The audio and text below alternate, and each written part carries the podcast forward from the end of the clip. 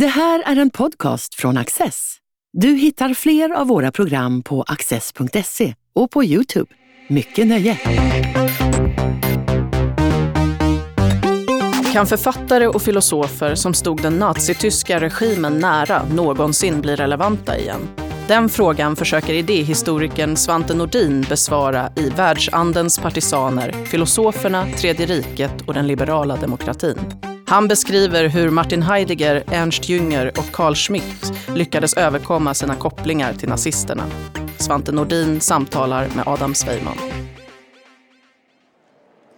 Svante, vad har eh, Martin Heidegger, Carl Schmitt och Ernst Jünger, tre omdebatterade, inflytelserika personer, vad har de gemensamt och varför valde du att behandla dem i, så att säga, i klump som en viktig del av 1900-talets filosofi och idéhistoria? Jag försöker väl framställa tre parallella liv. De eh, är, ju ganska samtida. Födda eh, i på... Eh, man kan säga de föds alla under det Wilhelminska kejsardömet. De är alla indragna på ett eller annat sätt i första världskriget. De framträder och gör sina största insatser under den så kallade Weimarrepubliken som existerar mellan 1919 och 1933. De är aktiva under Tredje riket, under Hitlers tid eh, och eh, det är ju det mest kontroversiella skedet för var och en av dem och det som har gjort dem kontroversiella är ju i väldigt hög grad deras förhållande till nationalsocialismen och till det tredje riket. De eh, överlever allesammans kriget och krigsslutet, är aktiva under den perioden eh, och de blir, när eh, Tredje riket faller och Tyskland delas upp mellan olika ockupationsmakter så blir de utsatta för avnazifieringsåtgärder, eh, bestraffningar om man, om man så vill, på grund av sitt samröre med Tredje riket.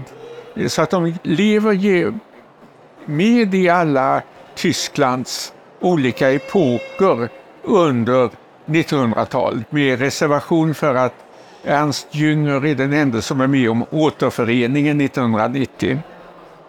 De, de är ju väldigt eh, viktiga under, redan under 20-talet, så när kriget är över och, och, vi har ett Tyskland som är rätt sönderbrutet av, av eh, Versaillesfreden, Ehm, det här är inga liberaler, varken Heidegger, Jünger eller Schmitt. Men samtidigt så är de ju inte, de är inte med i den, så att säga, det nationalsocialistiska uppvaknandet och den, den starka våg som kommer med våldsamheter, med maktövertagen och kupper och så. Men de innehar en väldigt speciell roll i det tyska samhället under den här tiden. Ehm, kan du berätta lite om den för att vi förstår lite grann på vilket sätt de var speciella i sin tid? Ja, både Martin Heidegger och Carl Schmitt eh, går med i, eh, eh, det nationalsocialistiska tyska arbetarpartiet 1 maj 1933, alltså efter maktövertagandet. Så att de är båda senkomna till att stödja Hitler. Eh, Jünger däremot var ganska nära Hitlerrörelsen på 20-talet. Han skrev i, eh, eh, eh i, i eh, nazityska tidningar men kom sen att bryta med nazismen. Så att han glider bort. När de båda andra går in så glider han undan lite grann och han, han är aldrig han ansluter sig aldrig till Hitler när Hitler har tagit makten. Så att om de två andra möjligen kan beskyllas för opportunism, eh, att, att sluta upp bakom Hitler när, när det är Hitler som bestämmer, så kan man inte säga det om Jünger. Eh, med honom är det tvärtom. Eh, han, han gillar eh, nationalsocialismen bara under den perioden när nationalsocialismen är extremt impopulär. De, de, de hyser väldigt mycket olika sorters förhoppningar till nationalsocialismen. Eh, Heidegger verkar de gånger han faktiskt kommenterar eh, nazisterna och hela den nationalsocialistiska rörelsen så är det ju han tillmäter det väldigt att det ska på något sätt rena samhället, det ska vara en ny ordning. Men är det så att de är mer färgade av att de är kritiker mot demokratin, det borgerliga samhället och liberalismen snarare än att de är blir entusiastiska nazister? Ja, men så är det ju. Och eh, eh, de, de, är ju revolutionärer. De vill göra upp med eh, Weimarrepubliken. Och det innebär för dem också eh, västmakternas regemente.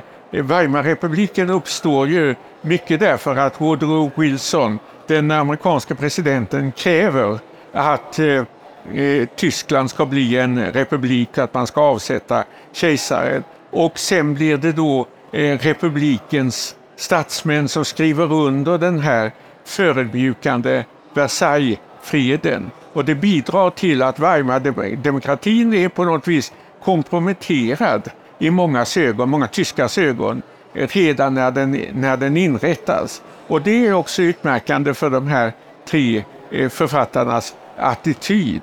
Att de associerar Weimarrepubliken och eh, den, den liberala demokratin med USAs världsherradöme och eh, Frankrikes och Englands världsherradöme med kapitalismen, med eh, världsmarknaden och detta är också förutsättningen för att efter kriget så kan ju vänsterteoretiker som Michel Foucault eller Jacques Derrida eller Antonio Negro Eh, tar ta till sig, låna mycket ifrån eh, de, alltså de, de, de till synes vänsterradikala kan låna mycket tankegods från de till synes högerradikala.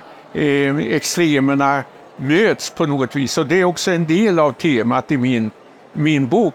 Hur den gemensamma fienden, det gemensamma motståndet mot eh, Pax Americana, mot, mot Eh, den liberala demokratin, mot världsmarknaden eh, förenar de här. Eh, medan däremot vad de egentligen anser är det goda alternativet, det är mycket eh, diffust de blir besvikna över hela det nazistiska projektet. Kanske i synnerhet Jünger yttrar ju, han är väl den enda som skriver någonting som i alla fall kan tolkas som en sorts eh, vad ska jag säga, fördold protest mot Nazityskland och det är ju romanen på Marmorklipporna. Som är någon sorts protestroman men ändå inte, men som alltid skriver Jünger väldigt, han skriver väldigt dunkelt. Men kan man ana redan under, säg under krigsåren att de här tre börjar känna, nej det här var inte så bra ändå? Absolut, det är väldigt, väldigt tydligt. Martin Heidegger blev rektor för sitt universitet eh, 1933-34 och då framträder han som en entusiastisk supporter till nationalsocialismen och till Hitler. Och då håller han stora tal eh, där han liksom identifierar sin egen filosofi sina, eh, med nazismen. Att det blir liksom, han tror att Hitler ska förverkliga eh, den rening som du säger, eller den kulturrevolution som han eftersträvar. Det visar sig väldigt snart eh, att nazisterna tycker inte att han är någon vidare nazist. Han, är, han, han, talar om att vi måste börja från början. Eh, den västerländska eh, kulturen har gått fel. Den har låtit sig behärskas av tekniken. Vi måste gå tillbaka till de gamla grekerna. Och, och, han talar om detta som om han var övertygad om att Eh, nationalsocialismen ska kunna åstadkomma det. Medan nationalsocialisterna, vad talar han om? De gamla grekerna, varför talar han inte om judarna? Han säger inte knäpp, inte något om judarna. Alla visste ju att alla hans mest begåvade elever före 33 hade varit judar. Så att han, eh, eh, han hans kredit för... Han, hans, man tror inte på honom när han framträder som, eh, som eh, nazist. Det är inte förrän de som skriver om honom idag som tror att han har varit nazist från vaggan och, och framåt. Men i verkligheten så, så var det inte riktigt så. Och det ser man också i hans föreläsningar. Alltså ett, ett, ett allt mera vidgat avstånd. Han talar om Eh, och i hans privata anteckningar, han talar om Hitler, så småningom så är det den här klanten som har lyckats föra in Tyskland i ett tvåfrontskrig med, med både Sovjet på ena sidan och USA och, och, och Storbritannien på, på, på den andra. Så att han är långt ifrån entusiast. Och Carl Schmitt, det är egentligen samma sak. Han vill gärna bli eh, Hitlers kronjurist. Han brukar beskyllas för att ha varit det, det var han inte alls.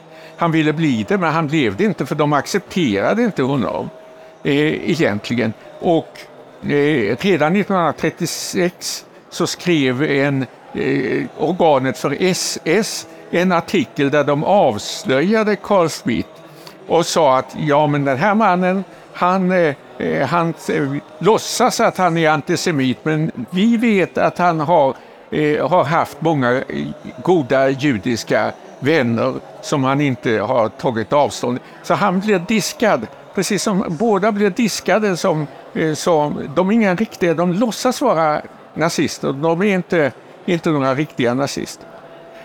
Och eh, samma sak för Smith, att avståndet till regimen blir eh, större och större och särskilt under krigsåren när de alla tre eh, egentligen, Hitler blir guden som svek Eh, som Arthur Koestler och andra sa om kommunismen.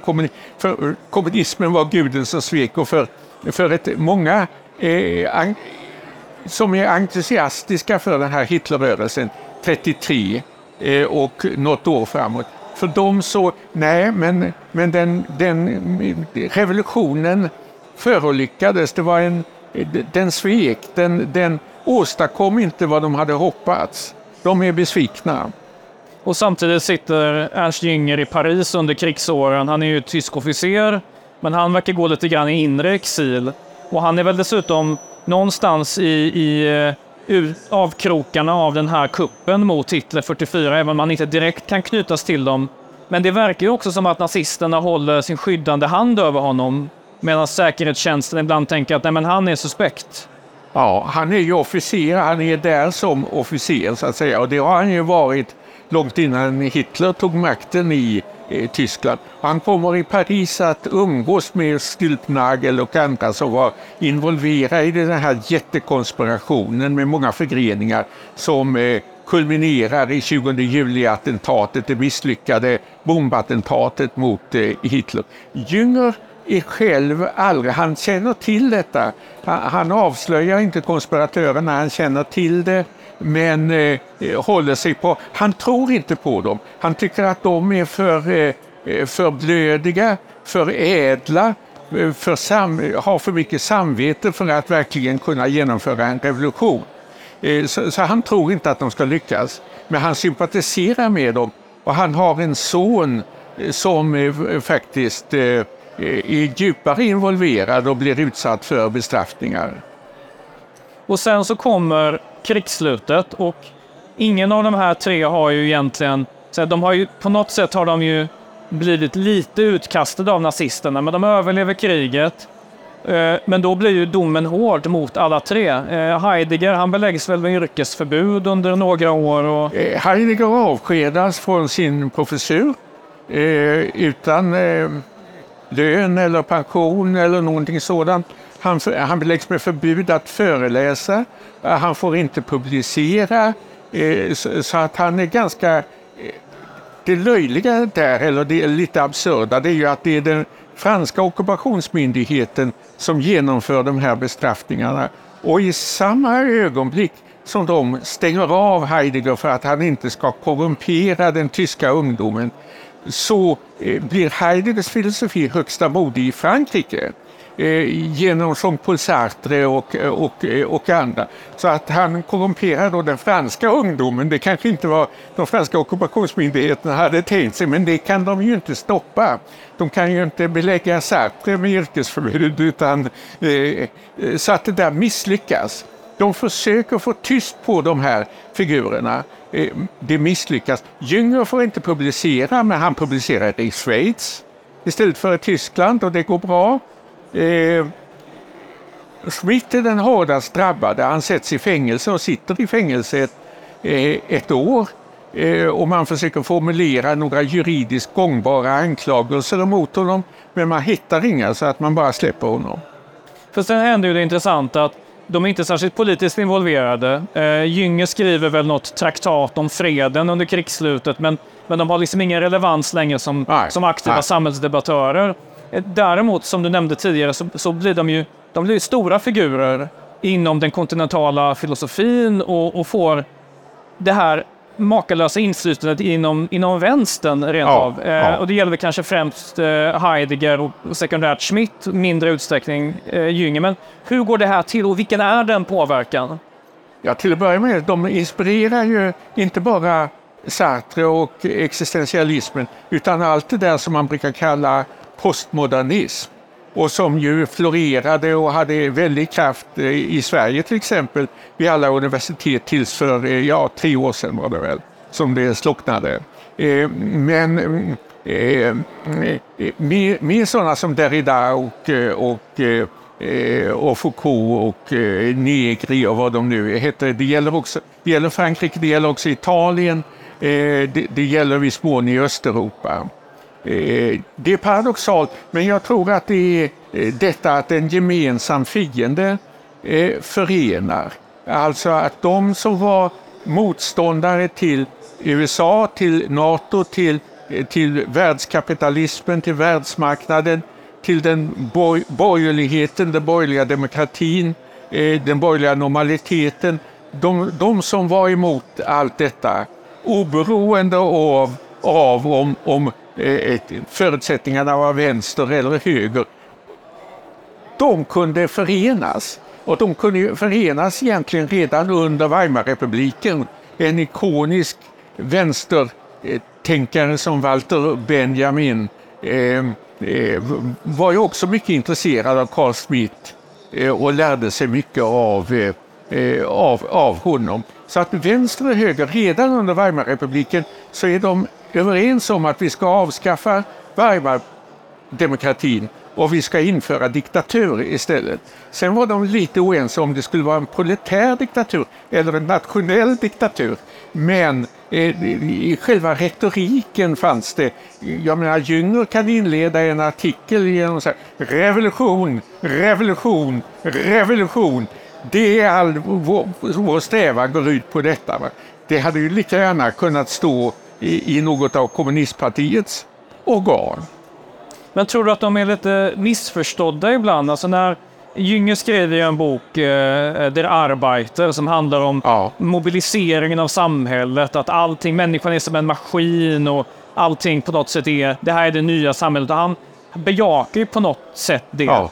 Eh, men förstår de vad det är de faktiskt inspireras av? Eh, när, när, de, när de plockar upp exempelvis Jünger och, och använder honom och hans texter under 20-30-talet som ett Ja, men som en, en kritik av det borgerliga samhället? Eller tror du de missförstår När, vilket har att göra med? När Jünger fick något stort prestigefyllt eh, pris, eh, litterärt pris, eh, någon gång på 70-talet så bröt det ut en, eller 80-talet kanske, så bröt det ut en stor debatt i, i Eh, Västtyskland där man sa att det kan, kan en sån här ex-nazist få ett litterärt pris oberoende av hur bra han skriver så är det otillständigt. Och en som uppträdde till eh, Jüngers försvar då var ju Joschka Fischer som var ordförande för, för eh, de gröna eller Miljöpartiet där på den tiden. Och han framhöll väldigt, väldigt mycket att ja, men Jünger var det hemliga tipset i vänsterkretsar under hans eh, ungdom.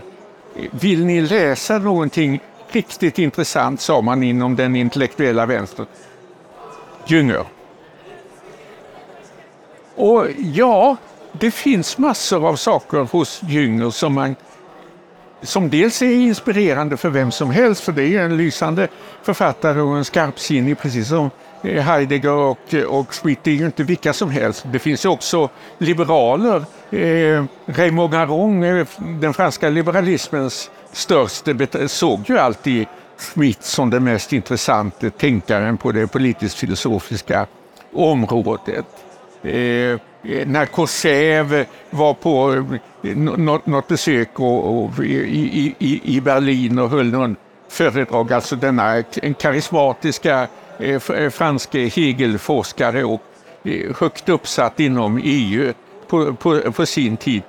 Så dagen efteråt så smet han iväg till Plattenberg för att träffa Carl Schmitt som han tyckte var den intressantaste tyska intellektuella under i, i, i samtiden. Så att de har en dragningskraft, men en del av den dragningskraften kan nog appellera speciellt till vänstern genom den här gemensamma kritiken mot den borgerliga normaliteten.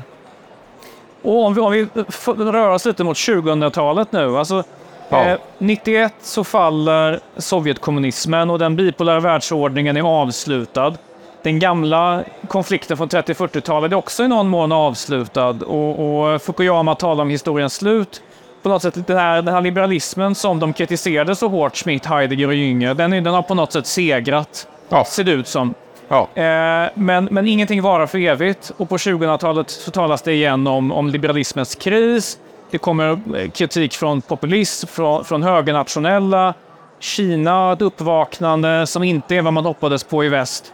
Och de här tänkarna får än en gång någon sorts aktualitet i kraft av att vara väldigt skarpa kritiker av det liberala projektet. Vad, vad tror du de spelar för roll nu i, i kanske i länder som, som Ryssland, Kina och men även i USA? De spelar en eh, ty, tydlig roll. Jag, jag kallar dem ju här med en fras från eh, från eh, Sprit för världshandelns partisaner. Alltså de, de, de känner sig att de är i kamp mot det liberala eh, världsherraväldet, den liberala världsordningen. En av dem som har knyt, knyter an väldigt mycket både till Smith och till Heidegger, det är Alexander Dugin, eh, en eh, rysk eh, filosof och intellektuell som ibland utmålar, utmålas som Vladimir Putins onda genius. Det, det, det, tror jag absolut inte att, jag tror inte han haft något större inflytande på Putin egentligen. Men, men han, han säger Putin-liknande saker.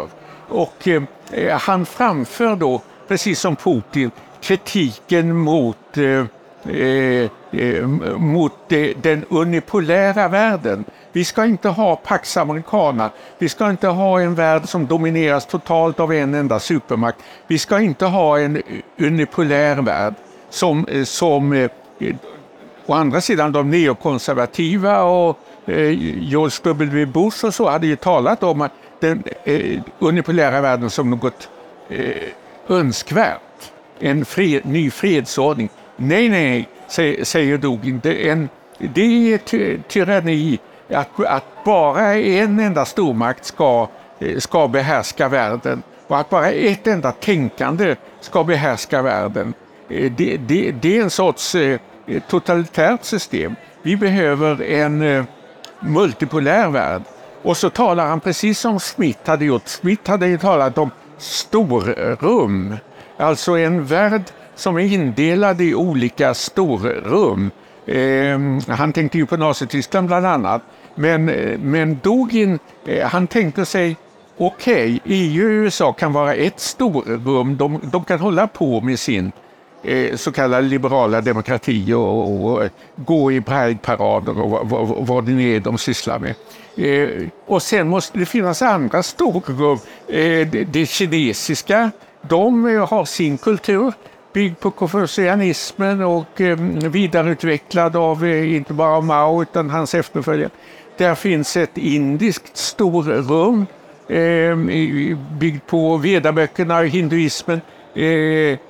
Ett muslimskt, eh, ett ryskt framför allt. För, för, för Putin så är det ju, och Ryssland är då, eh, jag menar det är den grekisk-ortodoxa kyrkan även om han inte själv personligen är, eh, är något troende, så, så, så är det den ryska traditionen som han för fram som då i hans ögon är djupare, mera andlig eh, än den ytliga västerländska kulturen. Men alla ska få lov att existera sida vid sida, säger han. Retoriskt. Han, I polemik mot idén om den unipolära världen. Men i slutet av, av livet så är ändå, det verkar som, Jünger lever ju längst. Eh, han, han, går väl bort eh, 98 är det Och så han, han hinner ju se EU verkligen blomma ut och han blir ju lite av en, en EU-Europa-federalist av något slag i alla fall Eh, under slutet av sitt liv. Han är väldigt eh, ambivalent. Mot, mot, eh, man, man blir inte riktigt klok. Nu skriver han ju mycket skönlitteratur och han skriver ehm, eh, allegoriskt.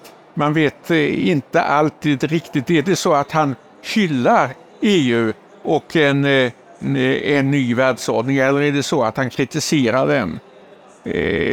Jag har grubblat över detta. Jag, jag, vågar inte komma till någon alldeles bestämd slutsats. Han, eh, han döljer sig lite bakom eh, de skön, eh, Som romanförfattare och novellförfattare så har han ju möjligheten att dölja sig lite grann bakom de litterära formerna. Man har ju fram och tillbaka diskuterat, det känns ju nästan som en sorts obligatorisk debatt som pågår med vissa jämna mellanrum. Ska man, och du har ju berört en sån debatt tidigare, ska man acceptera de här människornas tänkande som en sorts eh, respektabel idétradition att förhålla sig till. När Heideggers dagböcker blev, kom upp till ytan eh, så har ju de studerats väldigt mycket och det, det verkar som att det hela tiden finns en kamp om, ska man eh, så att säga, förkasta Heideggers eh, tänkande eller ska man, ska man liksom se att okay, det här är ändå så pass rent att det går att ta med? Vad tror du det kommer landa i framtiden? Tror du man på något sätt kommer stryka honom till slut? Jag vet inte. Det är ju så att ingen avancerad intellektuell verksamhet och ingen avancerad konstnärlig verksamhet och ingen avancerad vetenskaplig verksamhet är någonsin respektabel. Det är ett bra konstaterande. Tack så mycket Svante Nordin. Tack.